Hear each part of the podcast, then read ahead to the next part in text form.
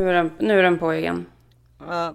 ja, men det är vem ska jag tro på, tro på, tro på när, tro på när allt är så här. You'll be a woman. Ja, är, hur då? Hur är det med dig? Alltså, jag är trött, alltså det, är, ju- det säger vi väl varje vecka, man är ju trött på sig själv. Det finns ju folk med värre problem så att säga. Mm, 100 procent. Alltså det har ju lite med att man liksom har för mycket tid att tänka, eller jag har för mycket tid att tänka. Alltså egentligen mår jag helt okej, men så, så är jag då lite nedbruten av någon sorts förkylning och det tar ju ner mig lite då i. Och sen så är det väl liksom lite så här. Men vad, är det en vanlig, är det en basic förkylning eller går du runt och tror att du har covid liksom? Nej, ja, jag tog faktiskt coronatest såklart mest för andra människors skull eftersom jag går till ICA och sånt där. Alltså jag gör ju saker liksom. Eh, men eh, jag går inte på konserter ännu, men, men jag, ju, går, jag är ju ändå ute bland folk. Har du köpt hemtesten eller? Ja, då körde jag hem men jag tror inte på de där testerna i vilket fall. Men alla går ju omkring och är småsjuka och tror att de har corona för eftersom det visar sig att Men så är det ju här också. Ja men precis, så det, det är ju bara så. Men jag trodde liksom att Sverige ändå, alltså att man var mer sjuk i Sverige för att man är mer inomhus. Alltså det är väl det det är, det är väl det det handlar om. Det är därför man blir sjuk. Ja. Du smittas ju av att du är Ja, precis. bredvid någon. Ja men precis. Jag, jag det tycker jag har upplevt så här eh, historier genom kompisar och min syrra och sådär. Det är alltid något barn som har en kräksjuka eller en Ja, förkylning eller en influensa liksom. kräksjuka har inte kommit hit än men det är ju var och varannan dag någon som har ont i halsen eller någonting annat i min familj. Men kräksjukan har ju typ varit egentligen helt borta under pandemin. Så är det ju. Ja men just därför kommer den ju komma som Alltså nu kommer den brev. tillbaka. Den kommer ju komma Ja. som ett brev på posten och då kommer den rejäl. Jag vill inte prata om kräksjuka är så vidrigt att prata om. Det kan vi faktiskt inte prata om. Det är ju bara one flew away from your ideal weight. Det är liksom. Ja. Jag har aldrig varit kräksjuk men välkomna till This is 40. Det här är Issa. Och det här är Karin. Med begränsad batteritid. Så att Ja. vi kör så länge batteriet på datorn räcker. Som vanligt. Det är som vanligt. Det är de två mest tekniska personerna i världen Ja. som, som har den här podden.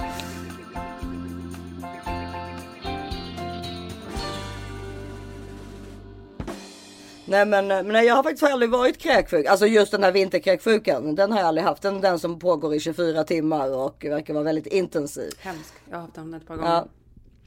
Men det är nog, du kanske inte är, då har inte du liksom, för det känns, det är så här, olika människor får olika sjukor liksom. Ja, men jag fick, han fick ju influensan för två år sedan tror jag det var. Och då märkte jag ju att min doktor var väldigt orolig. För då gör, det är någon, någon sorts, den där pen, sorts penicillinen som man får för just influensan. Alltså i USA ger man ju penicillin för allt. Jag tror inte ens man kan göra det i Sverige. Men i USA så, ja, och den är jag allergisk mot. Alltså jag är allergisk sedan jag var barn. Det, det är liksom Den här en sån Moxilin det är all- eller vad den heter. Ja det är allmänt känt. Inte för antibiotika men någon sorts penicillin. Det är väl två olika varianter där va. Ja så då blev jag ju helt rödflammig på hela benen och så låg där i 40 grader. Jag har total blackout eh, från de, det- det var två år sedan för det är i januari. Alltså i tre dagar som jag, inte, som jag inte kommer ihåg någonting. Men jag har tagit bilder på mig själv där jag liksom ser helt sinnessjuk ut. Men det där är också så här sjukt, det här, alla bilder man har tagit på sig själv när man har legat i olika sjukdomar. Ja, jo tack. Det finns inte helt röd. Ja men du har ju haft en anledning att liksom ta bildbevis Bevis. på det här, den här resan som du har gått igenom. Men alla bilder som jag har tagit på Mm. mig själv och skickat, jag vet att jag skickat till dig massa gånger så här, alla mina när jag har legat så här svag och blek och bara se mig. Mm. Vad är det för någonting? Man, man vill bara att folk ska tycka synd om en. Vi är alldeles för självcentrerade. Men alltså hemskt. Ja. Tror du liksom en sån här kvinna på savannen som knappt kan föda sina barn, tror du hon ligger och tar en bild på sig Nej. själv och skickar till någon? Liksom? Nej, Nej. Men på tal om bild så eh, kom, tänker jag faktiskt på en sak och det är för att jag tänkte att vi skulle prata lite om the Sackler family. Eh, Alltså de som eh, som nu eh, porträtteras i både, både eh, ja, den som heter Dope Sick va? På Disney Plus. Som handlar om den Sackler family som är de som introducerade Oxycontin, alltså eh, så, eh, morfintabletterna i Amerika som har gjort att halva Amerika, eller, eller i alla fall delar av Amerika är beroende av morfin. Också, till slut blir det heroin för de får inte tag i morfin så då börjar de ta heroin istället. Och då visar det här då hur, hur den här Sackler family som kom upp med det här pillret och hur de visste om hur, hur det här skulle påverkas och sådär. They're pain. These people, my people, trusted me. I can't believe how many of them are dead now. Och sen så är det väl någon The, the Crime of the Century på HBO. I came out of the doctor's and there was a representative of Purdue. She said, We have a drug called Oxycontin. We pick up all the cost. Just take as much as you need. I said, Sounds like a deal. Within the last 20 years, more than 500,000 Americans have been killed by overdoses. Controlled release Oxycontin would be the drug that triggered the opioid crisis. But what if we discovered that the crisis started with a crime? Jag har inte sett den, har du sett den? Jag har inte sett den, men Henrik har sett den och berättat ganska mycket för mig. Eh, Vilken- så vilken nu, utav nu, dem? nu är det jag Mette Lassie, ska jag berätta så tredje version. Men, Nej, men, men, det vilken jag gjorde, dem? det jag, nej men allihopa. Men det jag däremot har lyssnat på är en jättelång eh, NPR-intervju med de som gjorde serien. Eh, och med massa olika läkare. För Do, det som- Dope det- Sick eller då, serien. Ja, mm. Nej men för det, det har ju också varit så här. Det här har vi verkligen märkt av, inte jag kanske, men Henrik som har så här kroniskt eh, ont i sin ena axel, han ska ju operera sig. ja. Så nu kan du ju inte gå och få morfin Nej. utskrivet. Och han får ju såna här smärtattacker så att han faktiskt skulle behöva det någon natt här och där. ja, men precis. Eh, Men du får liksom ingenting utskrivet för det som har hänt för att de liksom skulle då få bukt på den här eh, morfinpandemin, painkillers beroendet var ju att de började göra så att de de läkare som skriver ut mest morfin straffas ju på något sätt. De hamnar liksom på en svart lista och eh, det ser jätteilla ut. Så att det är liksom inga läkare som vill skriva ut morfin överhuvudtaget. Alltså du vet, de passar sig så, man ska nästan vara döende typ nu. Och det är ju inte klokt heller egentligen. Nej, det är ju det som är grejen. Det är ju inte klokt heller. För då hade de så här, för de intervjuade bland annat om jag tror att det var en kvinna med cancer som så här har obeskrivlig smärta och hon kunde inte ens få morfin. Och du vet, då, och då i sin tur går ju hon och köper det illegalt istället. För det går ju också bara att köpa det online. Ja, men precis. Eller alltså eller hos en hitta, drug dealer. hitta, sån här, ja, hitta en drug dealer eller så här fejkläkare och så. Så att problemet är ju inte över för att de nu då har fått bukt med läkarnas överförskrivningar eh, så att säga. Ja, men för det är ju en väldigt korrumperad marknad. Det är, Det är väl, ett alltså jätteproblem. den, det är väl den mest korrumperade marknaden, alltså läkemedelsbranschen. Men, men just med den här, um, ja, jag, jag har ju, vi har ju, varken du eller jag har ju sett det, men, men det som jag ville komma till var för att jag så, såg också en bild på Heather Locklear. Mm. Du vet när hon eh, alltså åkte dit då för uh, DUI, alltså vårdslös eh, Driving under the influence. Driving under influence, ja precis. Och då eh, tänk, jag började jag titta lite närmare på henne för jag tänkte att, för jag har ju nämligen också dessutom träffat henne en gång. Eh, Jag kan berätta hur och när sen- sen, men, men då är det ju i hennes fall till exempel och i många andra sådana just fall, även alltså så stora kändisar. Jag menar förmodligen, ja, ja men i alla fall i hennes fall så är det ju alkohol och piller. Det är hennes abuse liksom. Och då är det väl med största sannolikhet både lugnande och morfin skulle jag väl tro. Vad är det som har hänt? Man kan väl säga, alltså hon, hon gifte sig ju med Tommy Lee först. Eh, alltså. ehm, Jo, jo, nu hänger jag med. Vet du vem jag trodde? Jag trodde du pratade om Heather Graham. Jag bara, jag förstod ingenting. Nu fattar jag. Vem? Ja, jag trodde Vem du pratade om, trodde du Heather, jag trodde du pratade om Heather Graham. Jaha, det vet jag inte ens vem det är. Ja, hon är, ja, ja. Nej, Heather Locklear. Ja, men då fattar Men jag. Mm. ehm, från Melrose Place. Och Dynasty väl också.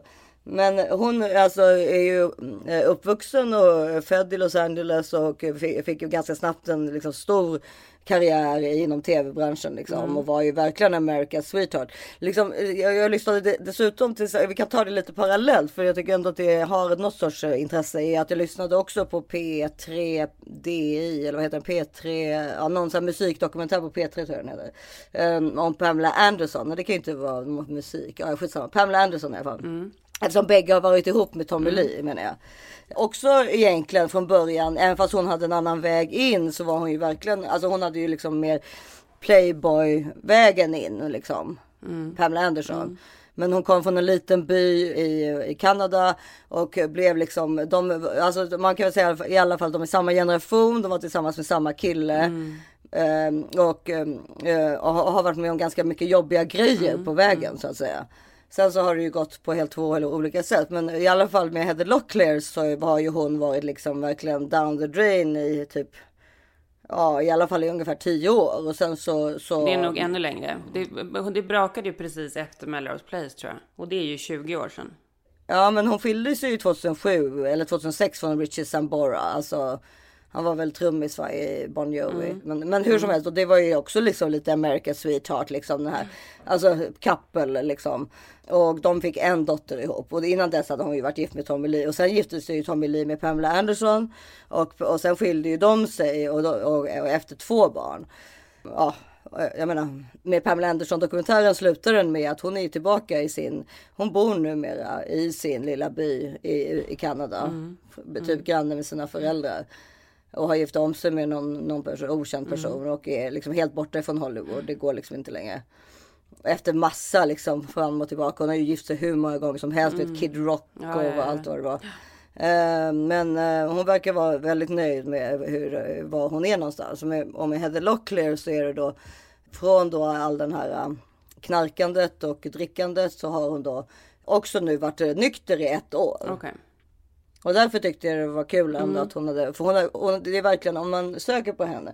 Alltså så är det ju liksom från att ha varit och allas liksom världens älskling och fått vilken roll hon ville ungefär. Alltså i, TV, i tv-branschen. Och på den tiden var ju tv-branschen inte alls lika renommerad som Nej, den är nu. Men gud, Men men ändå. det, här, ja, det här känner Men- jag är ett kaninhål som jag skulle kunna dyka djupt ner i. Ja, ja, ja, ja, ja, det var ju exakt det som hände med mig.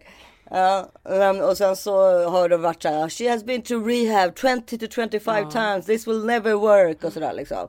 Eh, The only one that can do the job now is she. Och alltså folk har liksom slutat ens bry sig. Förutom hennes dotter.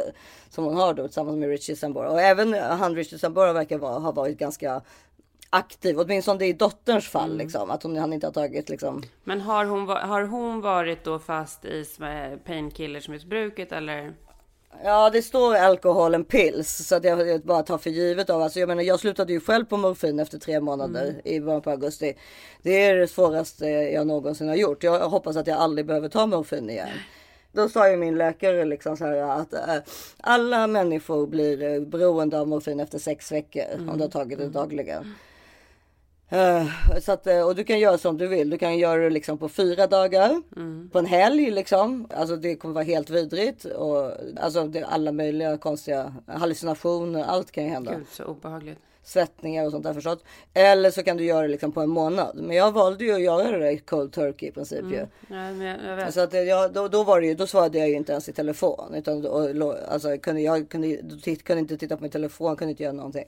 Jag hade ju egentligen inte ett missbruk utan jag var ju bara beroende på grund av att jag hade varit tvungen att ta det. Och, men det blir ju till slut ett missbruk för hjärnan tror ju att du har ont fast du inte har ont. Hjärnan vill ju säga till dig själv så här, ja du har ont fast du har inte ont. Nej. Ja. Ja, men fy alltså. Men i, i Heather Locklears fall så har hon ju liksom varit med. Alltså det är så mycket bilolyckor och det är så mycket. Alltså det är verkligen så här. Fy fan stackars. Alltså man vill liksom bara ta henne i famnen och klappa henne. Men nu då i alla fall.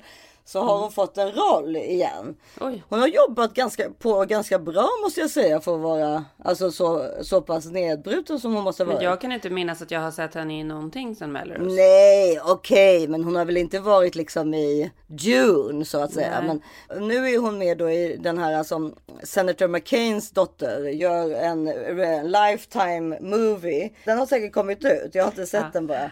Filmen heter Don't Sweat the Small Stuff. Right now, his books are flying off the shelves, which sometimes happens when an author dies. Sometimes it feels like Dad's death hasn't affected you at all. All the things that Richard and I lived by seek first to understand, make peace with imperfection. Maybe there's a lesson in all of this. We'll get through this because the Carlson women are strong.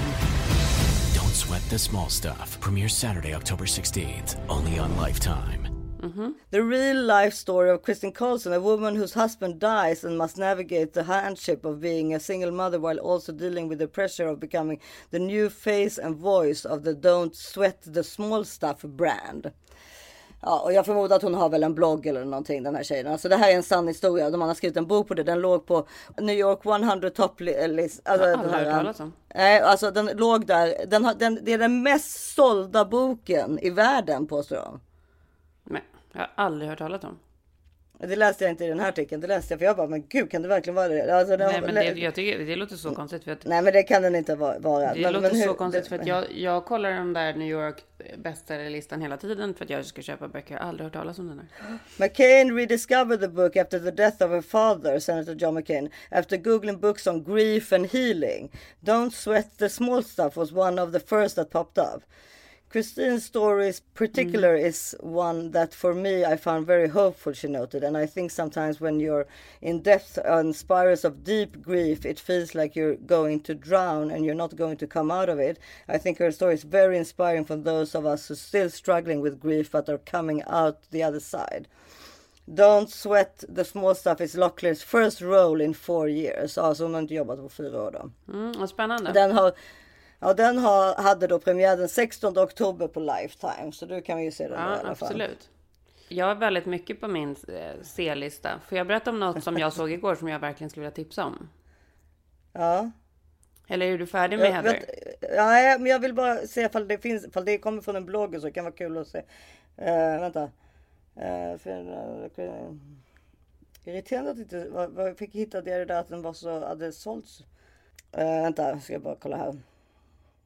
Nej, det är live on tape. Hur ska jag göra nu? Mitt batteri håller på att hoppa ihop här nu. Nej, men det, Alltså på riktigt. det, det här det är så sjukt. Ja.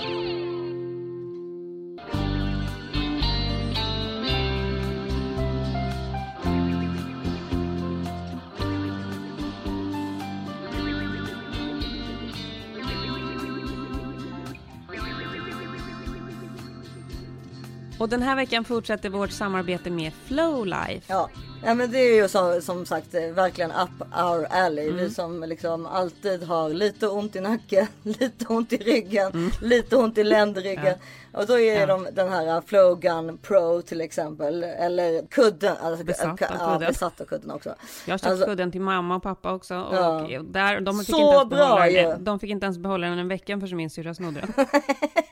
Nej men de är helt otroliga de här grejerna. För Mm. Det är ju det där att man kan liksom få välbehövlig eh, vila, massage och avstämning. När som När helst. som helst. Exakt. Vem har tid med det? Nej. Det är ingen som kan g- gå och ta massage klockan åtta på Nej, kvällen. absolut inte. Det är faktiskt lite av min favoritstund. Så här, eftermiddagen och alltihopa, allt är undanplockat. Ja. Då går jag och sätter mig i soffan och kollar på nyheter eller tar upp en bok eller en tidning och så stoppar jag ner den här kudden i ländryggen och så bara... Åh, ja. Ja. det är halleluja moment. Ja, men och flogan på liksom ömma muskler, min jobbiga tennisarm hjälper absolut Ja. hela tiden. Nu när du spelar så mycket tennis också.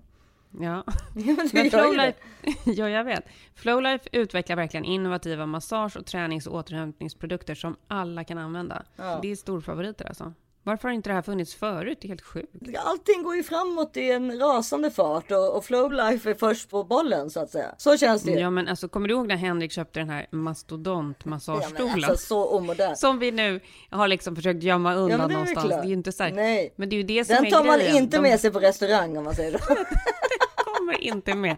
Den liksom tar upp hela gästhuset. ja, det är faktiskt helt sjukt. Ja, det här är så himla Ja. smart alltså. Och nu är det då Black Week Focus såklart. Ja, men det är ju årets största köpfest som är igång och Flowlife vill inte vara sämre än att ha bra erbjudanden de också.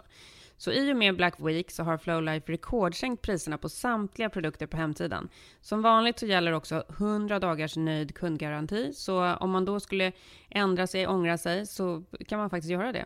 Så personen i fråga får chans att lära känna sin produkt i lugn och ro. Ni måste gå in på flowlife.com. Mm, och lugn och ro är väl verkligen lite vad Flowlife står Mm. för. Så det är ju skönt också att man har den där nöjd kundgarantin tycker jag. Helt otroligt. Så gå in på flowlife.com och uh, shoppa loss och kolla runt vad som skulle passa ert behov som bäst. Ja, gör som oss. Mm. Ni kommer inte ångra er. Nej, underbart. Vi är denna vecka sponsrade av inredningsskolan Vittstock Mm. och det här tycker ju vi är så kul. Alltså jag blev så Ja. himla glad över det här, för det här är ju right up my alley. Ja, det är det verkligen. Det är alltså en av Sveriges ledande kursarrangörer inom inredning och styling. Mm. Alltså för både för dig som då så här, tänker så här, nej nu vill jag byta jobb eller jag, jag tycker att jag är bra på det här men jag måste Mm. lära mig mer. Eller för någon som bara kanske är mammaledig eller vad som helst som tycker väldigt mycket om styling. Men och- om man vill lyckas och med inredningen hemma, om man liksom inte tycker att man riktigt får till det. Nej, och det är ju väldigt vanligt. Eller även om man tycker att man får till det och man bara vill få till det ännu bättre. Precis, känner man att man är så duktig så att man verkligen får till då, ska, då kan det ju verkligen bli ett nytt yrke till exempel. Men otroligt. Det här är ju någonting som jag själv jätteofta tänker att den dagen jag får lite mera tid när mina barn liksom är utflugna eller i alla fall uppvuxna. Att jag tänker att jag skulle kunna satsa på sånt här. Det Ja. händer ju ganska ofta att folk frågar mig om jag kan hjälpa dem med inredningsgrejer. Ja, men precis. Och då hade jag verkligen behövt ta en sån här kurs. Ja, för via deras yrkeskurs så får du lära dig allt du behöver för att jobba med inredning och homestyling och så Mm. vidare. Alltså, Och du får snabb support och feedback och- av deras kunniga och engagerade kursledare. Det Mm. tycker jag är, Mm. låter fantastiskt.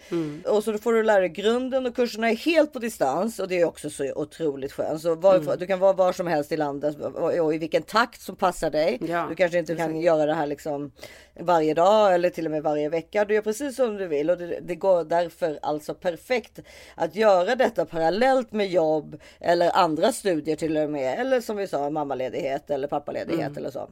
Alltså det är så Mm. himla kul det här. Jag skulle kunna prata hur länge som helst om det här ämnet.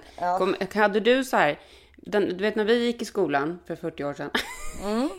Då var det ju så här, det fanns ju något ämne, jag tror att det var hemkunskap ihop med något annat ämne där man fick så här en budget på, en låtsasbudget på typ 10 000 kronor där man skulle inreda sitt första hem. Nej, det hade jag aldrig, men det lät väldigt kul. Ja? Jo, det hade vi. Och så fick man IKEA-katalogen i sin hand. Och så fick man 10 000 kronor och så fick man göra en, så här, Gud, en, en plan. Man fick rita upp då sin första lägenhet som skulle vara en så enrummare och hur den skulle inredas. Och redan där var jag så här, med den pyttebudgeten och det så var jag redan såld på inredning. Ja. Jag tror ändå att jag lyckades bäst med min lägenhet än vad, de andra klasserna Det kanske var där det började. Det kanske var en bra lärare. För som vi har pratat om innan, liksom, att man måste få Ja. liksom, en sorts sting i vad man tycker om. Eller förstå vad man Ja. tycker om så att säga. Alltså det är klart att det finns större ögonblick i livet än så, att man har fått barn och annat. Men annars så tycker jag så här, när jag kommer upp på morgonen och ser någonting jag lyckades med dagen innan i min inredning så kan jag bli så, alltså jag kan få en sån lyckokänsla i Ja. kroppen. Ett sånt lyckorus när jag har lyckats liksom med ett hörn, med en så här perfekt litet vintagebord med en lampa och så ett snyggt arrangemang med någon liten blomma och något ljus och något annat på det bordet. Så kan jag bara, då kan jag bli så lycklig. Ja, och snart är det ju nytt år så då är det perfekt tillfälle för nya tag och satsa på sina Mm. egna drömmar. Ja, absolut. Så alla ni som drömmer om att arbeta med inredning, passa på Mm. nu och ge dig själv en kurs. Verkligen. Nästa kursstart är då den 1 december och med våran kod This is 40 så får ni 10% rabatt på yrkeskursen certifierad inredare och homestylist samt hobbykursen grundkurs i inredning och styling. Anmäl dig på inredningsskolan vittstock.se. Inredningsskolan vittstock.se och det är vittstock då med W. Och den här rabatten gäller fram till och med 31 december. Gå in och boka nu för antalet platser är begränsat. Så det är liksom först till kvarn som gäller. Missa inte det här. Alltså gud vilken kul kurs. Nej, och för dig som vill gå en inredningskurs för din egen skull, tänk att kunna allt om färgsättning, möblering, ljussättning, rumsuppfattning med mera och förstå hur man ska tänka för att få till drömhemmet. Undvika alla felköp. Det kan man tjäna jäkligt Mm. mycket pengar på. Lär er att liksom fixa med inredning på rätt sätt. Framförallt det där med att liksom ha eh, rumsuppfattning tycker Mm. jag är intressant. Det skulle jag verkligen vilja lära mig Mm. mer av till exempel. Men så gå in på inredningsskolan vittstock.se och eh, först till kvarn som gäller så passa på nu. Skynda skynda. Puss och kram. Hej.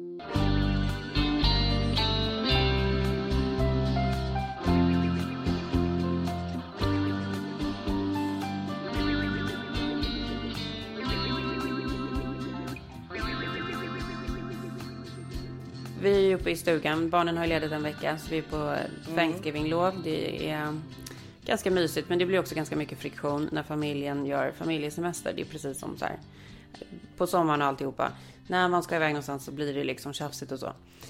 Men mestadels så är det väl, det är alltid liksom mysigt. Jag håller på och städar och fixar och gör ordning de här campersarna. Och sen eh, igår så började vi med någon slags, eh, vi ska se lite olika filmer. Så igår började vi med King Richard. Ja. Vet du vilken ja, det är? tror- det tror jag. Det är väl är inte det med Timothy Chalamet? Nej. Nej, nej. Det här är alltså, eh, den går på HBO, den finns i Sverige också. Det är... HBO, Mm, HBO. HBO. Det är historien om eh, Venus och Serena Williams. Och deras pappa. Ja, ja, ja, ja, deras, King Richard. Ja, Ja, deras pappa ja. spelar, heter då Richard och han spelas av Will Smith. Och alltså jag var så tagen av den här historien.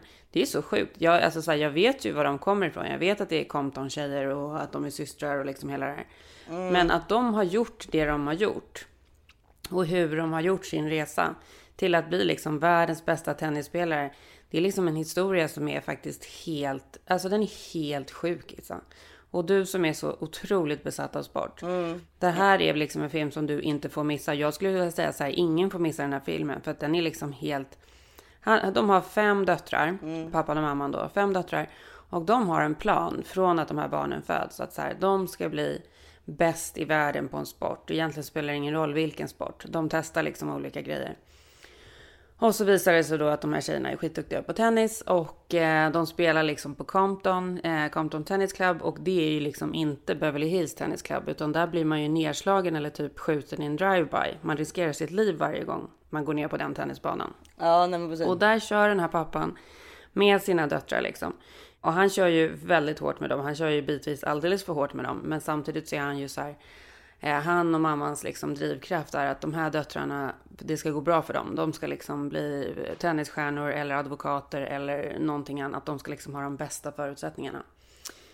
Och inte för liksom föräldrarnas skull, utan det är så här, det är ett genuint så här, vi vill att våra barn ska lyckas. Och de vill inte att de ska vara barnstjärnor eller någonting. Han låter ju till exempel inte liksom döttrarna tävla. När liksom de stora tennisspelarna gör sina karriärer, då är det som viktigast då med de här juniorsmästerskapen som är liksom mellan 12 och 14 typ.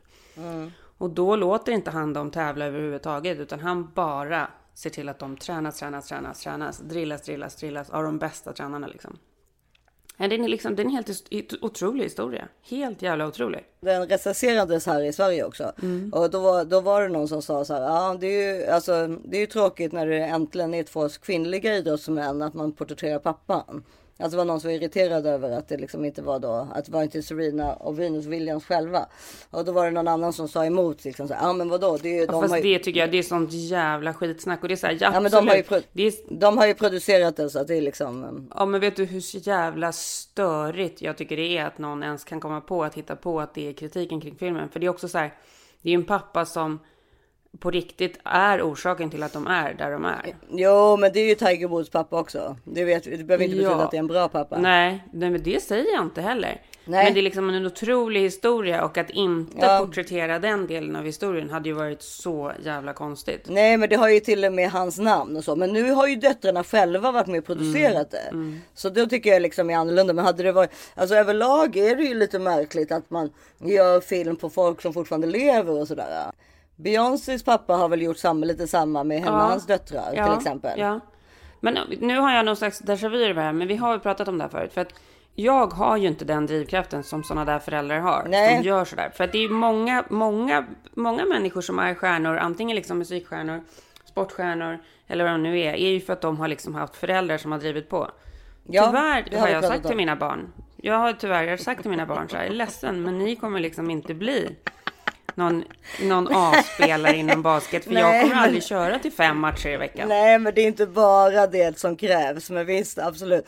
Hade du märkt att... Det är en del utav Ja, det. Det är en del, det. utav det. För det, är så här, det krävs så mycket av en förälder som ska liksom pusha på en unge som ska bli någon slags sportstjärna. Och det är så här, jag, jag kan tycka, ibland kan jag känna så här dåligt samvete över det och känna så här, fan vad sorgligt att jag inte kör den här ungen till basket varje dag. många alltså, säger så här. Eh, min mamma var helt otrolig. Hon kör, alltså många sådana Mm, kändisar så har alltid och jag, jag, jag, känner, jag känner ingen av mina kompisar som någonsin har sagt så. Att, alltså som är väldigt framgångsrika. Jag är där jag är på grund av mina föräldrar. Nej, men du har väl ingen kompis som är en sportstjärna eller? Nej, men de kan ju ha blivit framgångsrika på jättemånga andra sätt.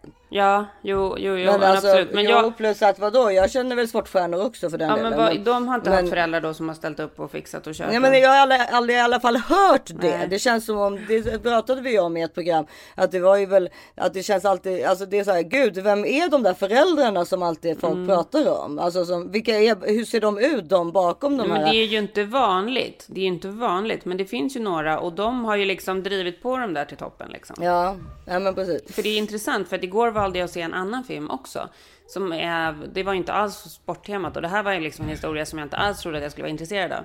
Men HBO gör ju en, ehm, de gör också en sex eh, delars serie som heter Music Box. De är så här, ett avsnitt handlar om Woodstock, eh, något handlar om något annat, det är musikdokumentärer liksom.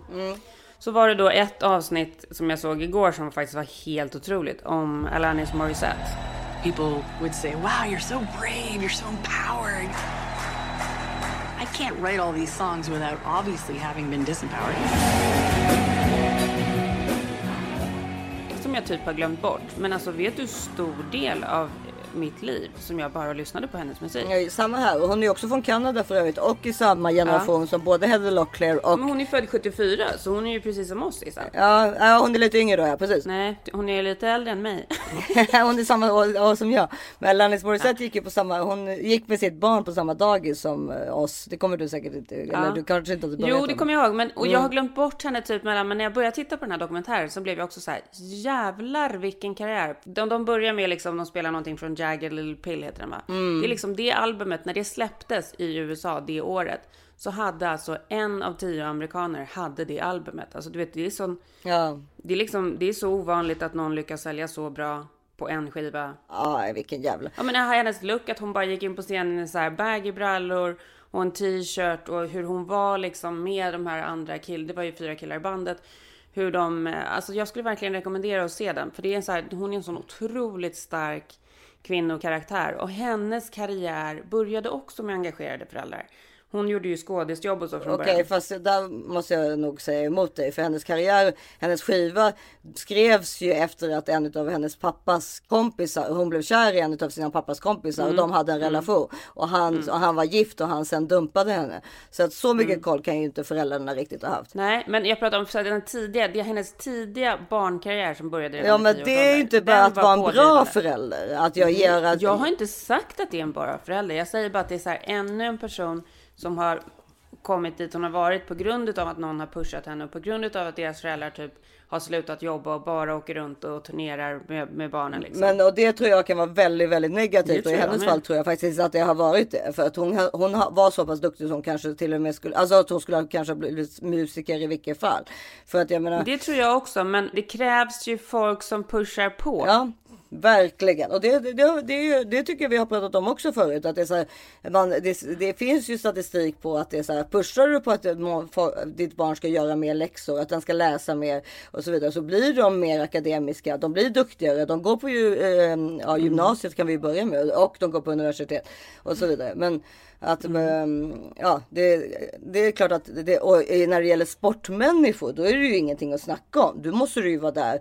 Alltså det är ju en, det är ett, det är ett heltidsjobb. Ja, för du kan inte Nej. göra en sportkarriär utan att vara någonstans Nej, hela precis. tiden och någon Ja, måste ta precis. dig dit. Och, eh, och sen så är det ju ofta ganska dyrt också dessutom. Alltså det är jätte, eh, så att du måste få sponsorer ganska tidigt. Skitdyrt, exakt. Det krävs verkligen ekonomi och det krävs att en förälder typ inte jobbar. Och därför blir det ju ofta the magic story om det kommer från så här jättefattiga Mm. bakgrunder och så blir det liksom en, en större story då förstås. Liksom att eh, de har, eh, Mm. alltså det är samma sak med Lewis Hamilton Formel 1-föraren, den första svarta Formel 1-föraren som nu har vunnit, är snart inne på att vinna sin åttonde tror jag det är, världstitel.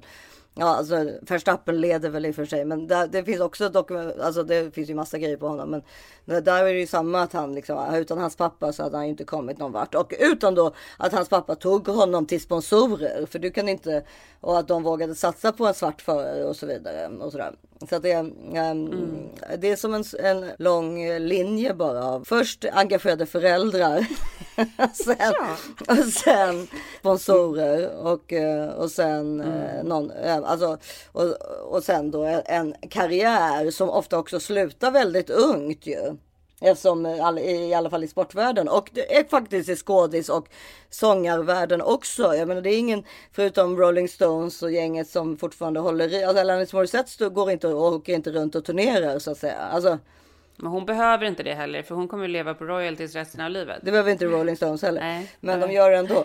Men, men alltså det, det, det, det, är ganska korta karriärer. Ja, det är det absolut. Och det är säkert kort och det är kortare såklart för kvinnor. Liksom. Ja, såklart. Och det medför ju kanske missbruk och utrå alltså att man är uttråkad eller Mm. att, man inte, att man tycker att man är ful. Alltså det där som jag läste om uh, Amelia Dam och som jag, jag skickade väl det till dig. Det där Mm. alltså det som var liksom att eh, vad var det hon skrev? Hon skrev eh, det, det är det snygga som får mest problem med att fylla 50. Mm. Alltså, Jag förstår det. Det andra, det andra har inte så mycket att förlora. Nej, men det är så jävla taskigt. Nej, men jag tror i och för sig så här, Så jag tror det var alla- en terapeut tror- som hade sagt det till henne. Alltså så sa en Ja. terapeut till mig när jag besökte henne när jag trodde att jag var på väg in i en depression. Allt var bara mörkt. Jag var då 49 år och han sa att det kallades åldersnoja. Du har tagit poäng på ditt utseende du tror att du, kan, att du går in i osynligheten. Mm. Dumt sa han men inte ovanligt. Satsa på att bli smart istället. Ja, men det är ganska så träffande. Men jag tror Ja. så här, det drabbar såklart väldigt snygga människor Ja. mer. Alltså så här, modeller och så. Det är ju klart att det är jättejobbigt för en modell att liksom åldras och bara se liksom Ja. eh, sin kropp och sitt ansikte förfalla. Ja men som i Heather, Heather Locklear fallet till exempel. När jag ser henne nu på den här bilden då. Där hon ska vara med i den här filmen då. Som jag bara vill komma tillbaka till lite. Får, kan jag göra det här nu Mm. eller? Eh, Ja för att det var faktiskt så då att det var faktiskt Christine då som hon spelar. Man som började med Don't Sweat the Small Stuff brandet. Och sen dör han 2006. Eh, i, eh, när han är på väg till New York för någon, då var de redan väldigt framgångsrika. Alltså för då hade han, hon, han också invited Christine to join him as a co-author in Don't Sweat the Small Stuff in Life. Don't, och sen skrev hon en egen bok som heter Don't Sweat, Sweat the Small Stuff for Women. Ja, och, då, och han skrev då, då ja, så det, det har liksom hållits på. Det finns då alltså, det är, det är liksom en hel, ja det är ett brand som heter Don't Sweat the Small Stuff helt enkelt. Det är också en, så här, det är en saying som man borde liksom ha med sig hela tiden, varje sekund. För Ja. det, är så här, don't sweat the fucking small stuff. Det betyder inget. Nej, det, det är inte helt dåligt och förmodligen har de patent på den meningen. För annars hade man ju hört den mycket, mycket mer. I, och, nu, och, hon, då, då, då, och den görs nu då, då som film. Och det, det som de säger då, alltså Don't sweat the small stuff made publishing history as the US today's number one best-selling book for two consecutive years. Alltså två, Ja, två är år på raken. The title spent more than 100 consecutive weeks on the New York Times bestseller list and is considered one of the fastest selling books of all times. Och in 2004 Don't Sweat the Small Stuff was voted one of the top 10 most read books in the past decade. Otroligt. Mm, ja. Alltså det här betyder, jag måste köpa den här idag. Jag ska Ja. faktiskt till den här lilla byn här och till den lilla bokshoppen. Ja, och då, han dog då, då, då, då och sen ska vi se vad som har, ja det får vi väl se då när vi tittar på filmen vad som händer med henne som då spelas av Heather Locklear och där man ser då, hon har ju såklart ett helt förändrat utseende för att man får inte vara 60 år i Hollywood. Alltså, blir, man blir glad när man läser att en person som då McCain som är väldigt, alltså, sen, alltså John McCains dotter Meghan McCain som är en väldigt liksom fort, alltså hon är ju våran ålder. Att hon castar Heather Locklear blir man ju, eller i alla fall är med och tar ett beslut på det. Blir man ju, det, det, det, det spritter ju till lite i hjärtat på en då tycker jag. Mm, absolut. Alltså att det är så här, att, gud vilken, där är ju women power liksom så härligt. Att hon, hon ser ju bara Heather Locklear som en bra skådis. Eller liksom, det här passar bra till den här rollen. Och eh, inte liksom det här, eh, all, allt hennes missbruk eller, alltså som en man inte skulle gå med på. För det är ju tyvärr så. Nej, det ska bli kul. Den, eh, det ska bli spännande att se. Alltså hon har ju varit nykter nu då, Heather Locklear i ett års tid. Och jag ska återkomma då till när jag träffade Heather Locklear. Mm, Då satt jag på en, en Boeing 737. ja. Tror jag det var. Ehm, på väg från New York till uh, vart någonstans i Europa. Jag skulle mellanlanda för att åka till Stockholm. Jag hade varit i New York med min pappa. Och eh, min syrra var med också, Ia. Och då kommer hon in med Tommy Lee. Och det här var ju liksom tidigt Inte dåligt 80. alltså. Jag kan, kan inte exakt komma ihåg datum men jag kanske var 10 år. Vi hade en sån där du vet resepass alltså. Vi, alltså vår pappa skulle på ett annat håll så att han åkte ju inte med oss. Man fick en sån här lapp Och- som hängde på bröstet liksom. Ja men precis. Den tog man bort jävligt fort. och då så kommer de in där. Och Tommy Lee med en stor eh, sån här eh, box vad det nu heter. Alltså en stereoapparat, heter det så? Bergsprängare menar du? Så Alltså- jävla sjukt. Folk, folk gick ju omkring på, med sådana på axeln. Det var liksom lite trendigt. Och då kom de in där på den här flighten och hon var ju så snygg så jag inte klok. Jag tror inte att hon var lika känd som han. Jag minns det som att man var, man var väldigt imponerad av honom och att man inte tänkte så mycket på henne då. Och så hade han ju högsta volym också på den här bergsprängaren förstås. Så att det var ju liksom så att plötsligt var det som om liksom hela planet. Ja, sen fick han sätta den där bergsprängaren i liksom där uppe. Alltså där man sätter sitt handbagage. Det var han väldigt missnöjd med. Men sen minns jag det som att de var väldigt lugna under hela flighten. Jag vet inte för vad de gjorde men det var i alla fall min Heather Locklear moment.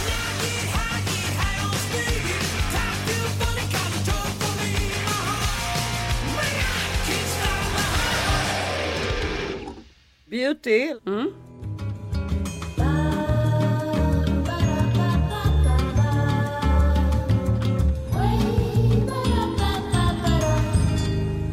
Ja, där- Karin, du har väl lite beautytips den här Ja, veckan? det har jag absolut. En fantastisk läpppenna från Rodial. Jag vet nu inte hur det uttalas på svenska, Rodial. eh, och det är en läpppenna, eller läppstiftspenna, som kallas för Suede Lips. Som är så otroligt snygg. Jag har en röd variant som heter Powerplay. Och sen har jag en lite mer så rosa naturell eh, som heter Big Apple. Och båda två är sjukt snygga. De lägger sig liksom som ett så otroligt bra lager. Blir inte för torra, blir inte för kladdiga. Det är liksom mer den perfekta... Gud så härlig! Ja, men det är liksom den perfekta... De perfekta nyanserna och den per- perfekta konsistensen och sitter riktigt bra. De vill jag verkligen tipsa om.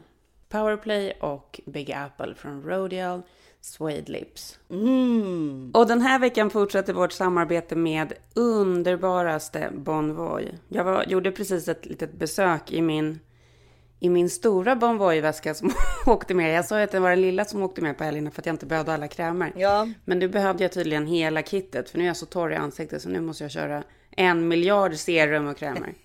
ja, och du är i bergen och du är också borta en vecka. Du är inte bara borta en helg. Så det är klart du måste ha den stora banan. Att tro att jag skulle klara mig på en lilla, det var på.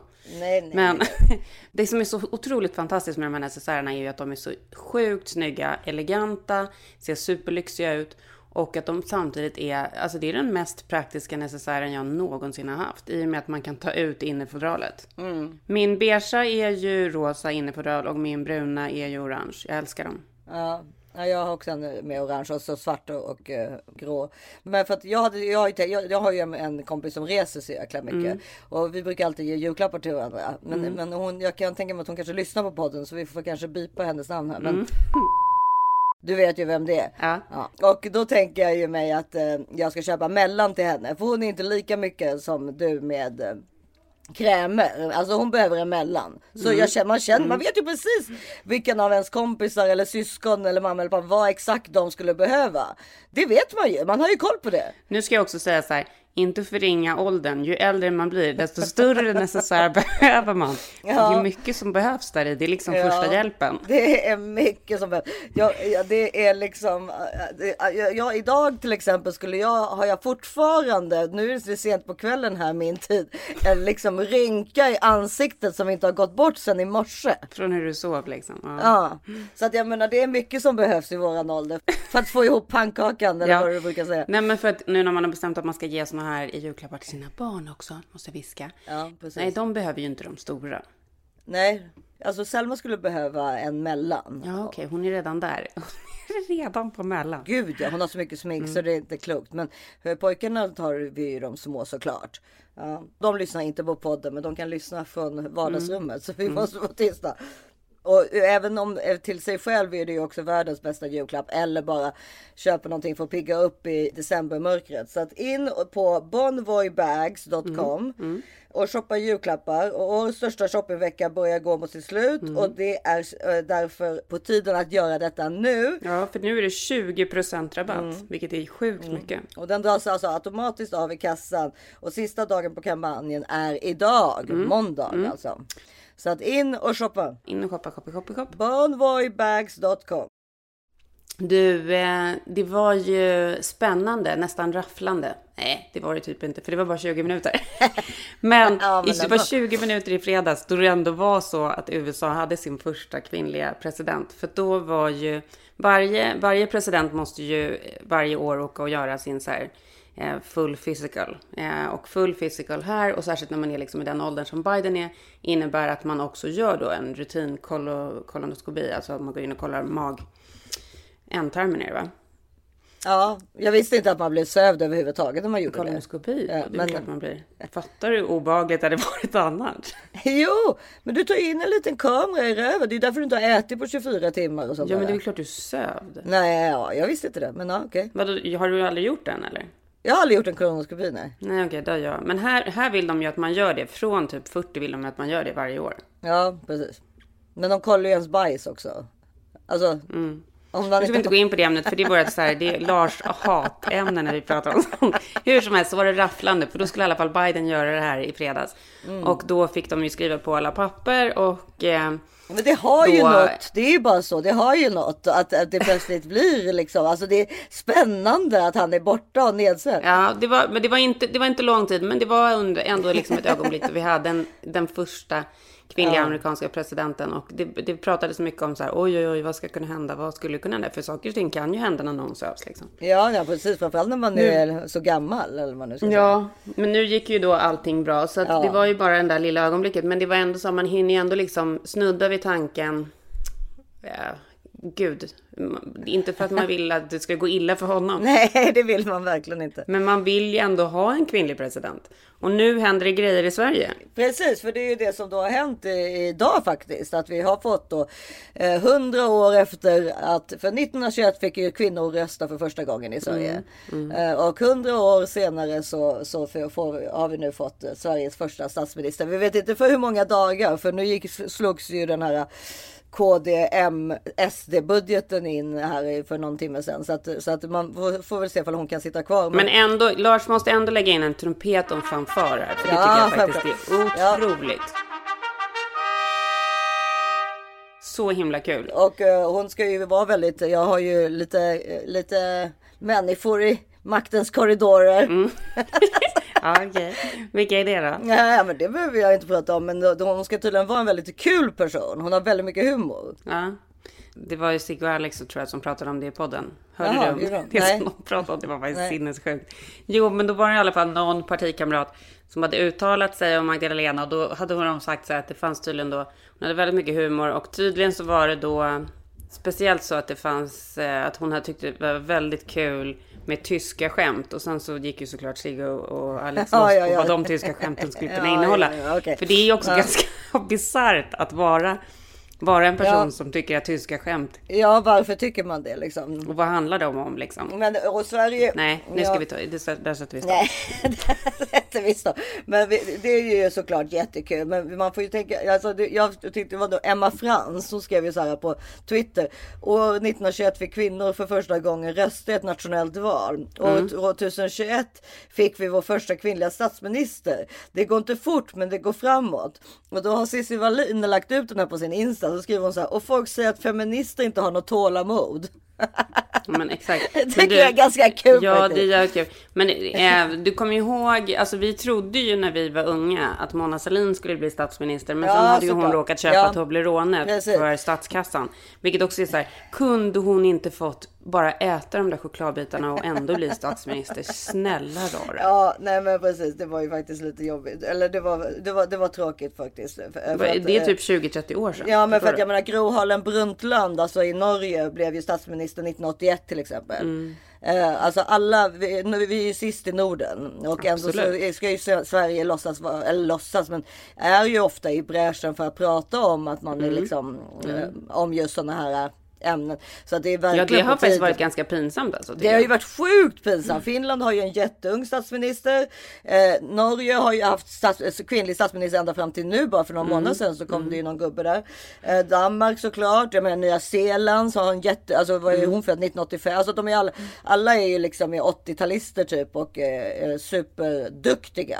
Mm. Nu, så då får vi få se då vad Lena Andersson går för. Men det får vi ju hoppas på att det kommer gå toppen. Och att hon får, att hon får visa sin roliga tyska humor här då. Ja. Nej men det var, Jag, ja, alltså, vi- jag håller med. Men jag tycker att det här är så kul. Jag är Nej, men för det, det är ju det som är problemet med det, det, kvinnliga i det hela. Är ju, eh, det, för det läste jag också om idag. De, de, de pratade om det också på Nordegren Epstein i, i, häromdagen i, på det, eh, i deras program i P1. Att, eh, det är ju väldigt få kvinnor, alltså det är många kvinnor som tackar nej till exempel till att vara med på TV. Det går ju hand i hand med det vi pratade om med Amelia Adamo och sådär. Mm. Alltså att eh, det är bättre att vara smart än att vara snygg. Alltså att de som Mm. blir jobbigast för efter 50 är de snygga. För att eh, det var liksom, eh, det är jättemånga typ om det var Åsa Linderborg tror jag, så kulturchef på Aftonbladet är hon väl, eller om det är Expressen, jag vet inte. Något sånt där. Mm. Hon säger nej. Den här Ann Heberlein, hon vill inte visa sig Vad i TV. menar du? Menar du att de nej, inte för att de tycker, att de, att de- nej, de tycker att det är så jobbigt att de har åldrats. Att, att de tycker inte om att se sig själva längre. Men det tycker jag låter helt sinnessjukt med så smarta kvinnor. Det är hemskt. Men är du säker på att det är så? Att de skulle tacka nej av att de inte vill visa sina ansikten, det tycker jag var så konstigt. Jag, jag, ska, jag, ska ta fram, jag ska ta fram den här. eh, Jag tar gärna deras plats. Här, Ann Heberlein, alltså hon är ju spe- eh, okej, hon är på Svenska Dagbladet, gått artikel. Vill, vill knappt vara med på bild längre för att hon tycker att hon ser gammal ut. En fåfänga som rimmar illa med kulturvärlden. Här skriver hon öppet om skammen hon känner över att åldras som kvinna och om den sanning som inte får uttalas. Hemskt ju. Jag tackar nej till att vara med på tv eftersom jag inte vill visa hur gammal jag blivit, skriver Åsa Linderborg i en krönika eh, på nyhetssajten NRK.no. Ja, det vet inte. Så hon, den, den skrev hon inte på, på någon svensk, eh, den skrev hon på en norsk TV. När jag står i en tv-studio och ser en skymt av mig själv i monitorn vill jag bara fly. Är det så här jag ser ut? När jag, ser, när jag ser att SVT har lagt ut ett klipp på sin hemsida där mitt medelålders ansikte breder ut sig över hela skärmen fylls jag av något som kanske bäst kan beskrivas som skam, fortsätter hon och berättar att hon tackar nej till att medverka i, i tv 19 gånger av 20. Det här är Åsa Linderborg alltså. Om det handlar om utseendet, då tycker jag det är, alltså det är helt förskräckligt. Ja, men det är ju jo, men det, det, det, är det som är, och då, då frågar Louise Epstein Nordegren, alltså Nordegren, liksom, fall han tycker att det är jobbigt att vara med på tv och sådär. Och de pratar li- liksom lite om det där. Alltså, hade du, han, hon säger till exempel, hade du kunnat tänka dig att tacka nej till På spåret? För att du är över 65 år Klart gammal. Säger hon till Och han bara nej, ja, och hade du? Och han reagerar ganska, han blir liksom lite, jag tror att han, han tar åt sig över att hon säger hans ålder.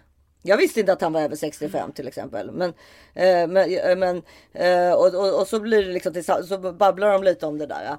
Eh, och det blir, det blir väldigt sorgligt att det är och det är det jag menar lite med så här att båda, alltså vi- att vi kvinnor alltid är i luppen så att säga. Alltså det kanske är svårare för en kvinnlig statsminister att, eh, att, att det bara blir så här.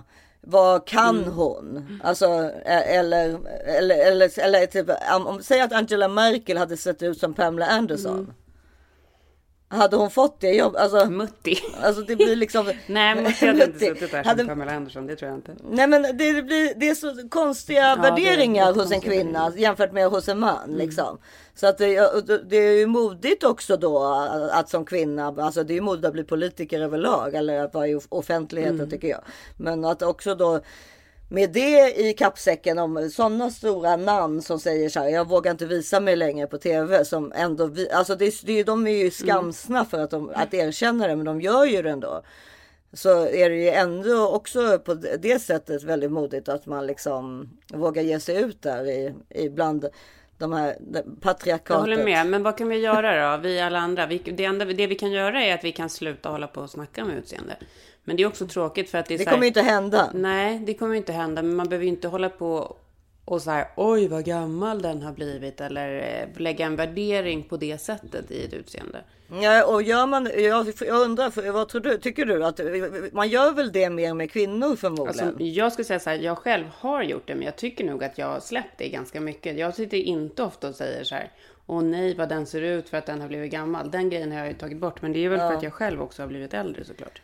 Ja, men det där är så svårt för att det, det, det finns nå- någonting i hela, alltså jag tycker att det är, det är jättemodigt av Åsa Linderborg att säga det. Det finns någonting väldigt sorgligt. Ja men det är ju modigt av både Amelia Adamo, Ja, det av Åsa. Linderborg, av Ann. Heberlein, av alla de här kvinnorna att säga vad de faktiskt tycker. Ja. Måste... Det är, väl klart att det, är, det är klart att det är modigt, men det hade ju också varit ännu modigare om de faktiskt hade sagt ja och suttit där och visat upp sig som de är. För de kommer ju inte bidra till att det blir bättre genom att gömma sig. Nej, men genom att skriva om det och kanske till exempel nu då om vi har en kvinnlig statsminister får vi se, får hoppas att det liksom inte blir det där liksom som hände med Hillary Clinton till exempel.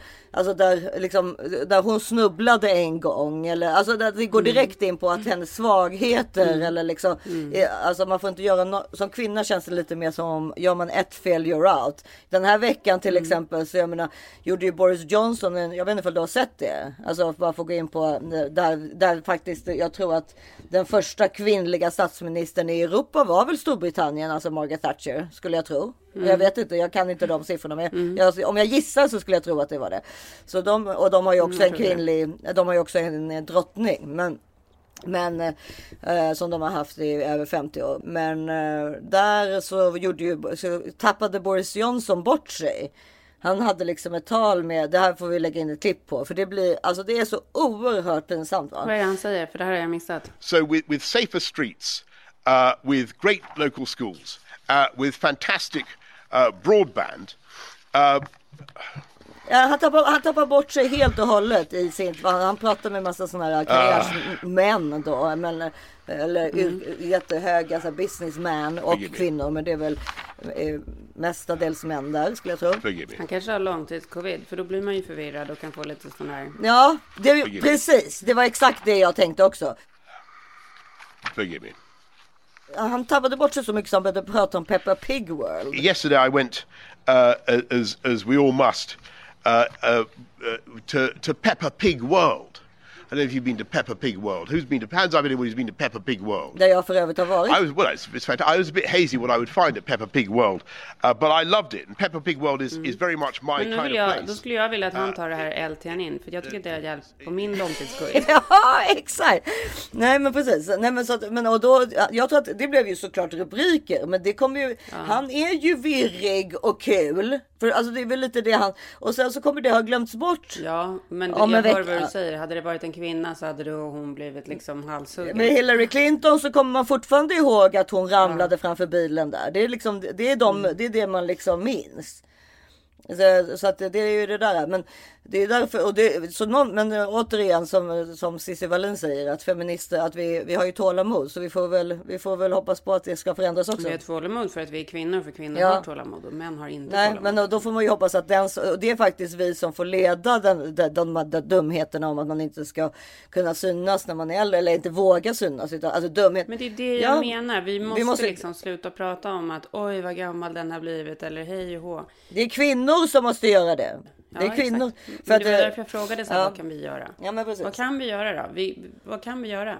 Vi kan Nej, hylla men- äldre kvinnor också. Ja, hela tiden. Precis, precis som med rasism. Alltså hela tiden köpa av äldre kvinnor. Mm. Eh, ta in den sortens kultur. Köp, Gå på den sortens teater. Köpa den sortens böcker. Mm. Eh, läsa den sortens eh, eh, artiklar och så vidare. Alltså bli mer. Men att lyssna på deras vishet. Ja, precis. Eller visdom kanske. Ja. För att det är liksom, det kommer med åldern. Det gör Ja. ju det liksom. Ja, nej men och sen så är det ju som sagt så det har ju blivit massor med eh, bra saker som har hänt också. Vi får inte låta som bitterfittor men, men, absolut inte. men ja. ja, som sagt. Men du, eh, nu ska jag faktiskt iväg till den här lilla byn här i närheten och eh, köpa lite böcker och annat. Mm, då får du köpa Don't Sweat the Small Stuff för det är ju. Men det är det jag ska göra. Jag ska absolut leta efter den. Det, jag tycker det här avsnittet ska heta Don't Sweat the Small Mm. Stuff för det, det känns ju som om det är någonting som vi, vi bägge borde ta till oss ganska mycket. Men vi och alla. Ja, fast jag tror att vi kanske är värst. Ja, vi kanske är värst. ja. ja, nej, jag ska absolut ta med mig det under resten av den här veckan. Ja, precis. Och så får vi hoppas på att den här fi- filmen, Lifetime-filmen är bra också. Mm, verkligen. Men Mm. också titta, och missa inte de här som jag har pratat om. Eller ni som Nej. sett på HBO och eh, King Richard på HBO. Bra grejer att se. Ja. Tills ni hör oss igen nästa vecka hittar ni oss på Instagram som This is 40 podd och jag finns som Karin Westin. Och jag heter Isabelle Moffreni. Puss och kram! I'm broke but I'm happy. I'm poor but I'm kind. I'm short but I'm healthy. Yeah. I'm high but I'm grounded. I'm sane but I'm overwhelmed.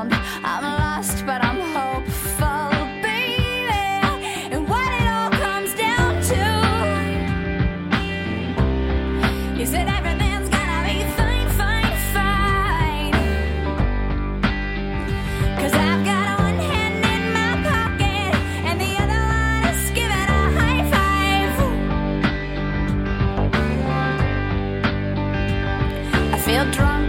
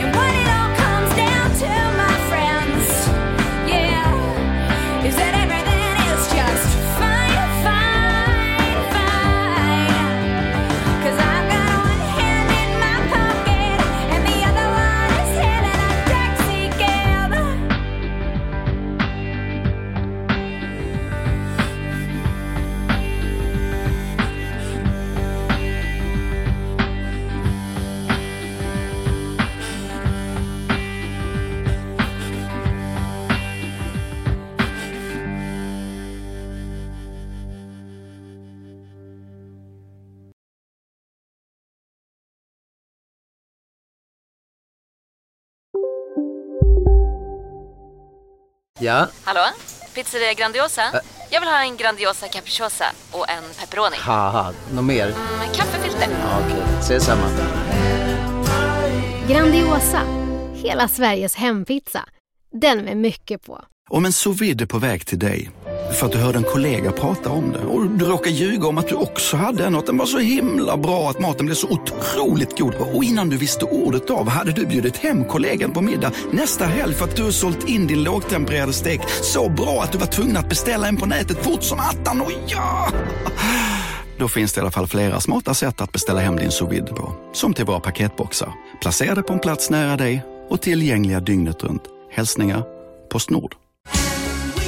Just nu till alla hemmafixare som gillar julast låga priser. En slangvinda från Gardena på 20 meter För vattentäta 499 kronor. Inget kan stoppa dig nu.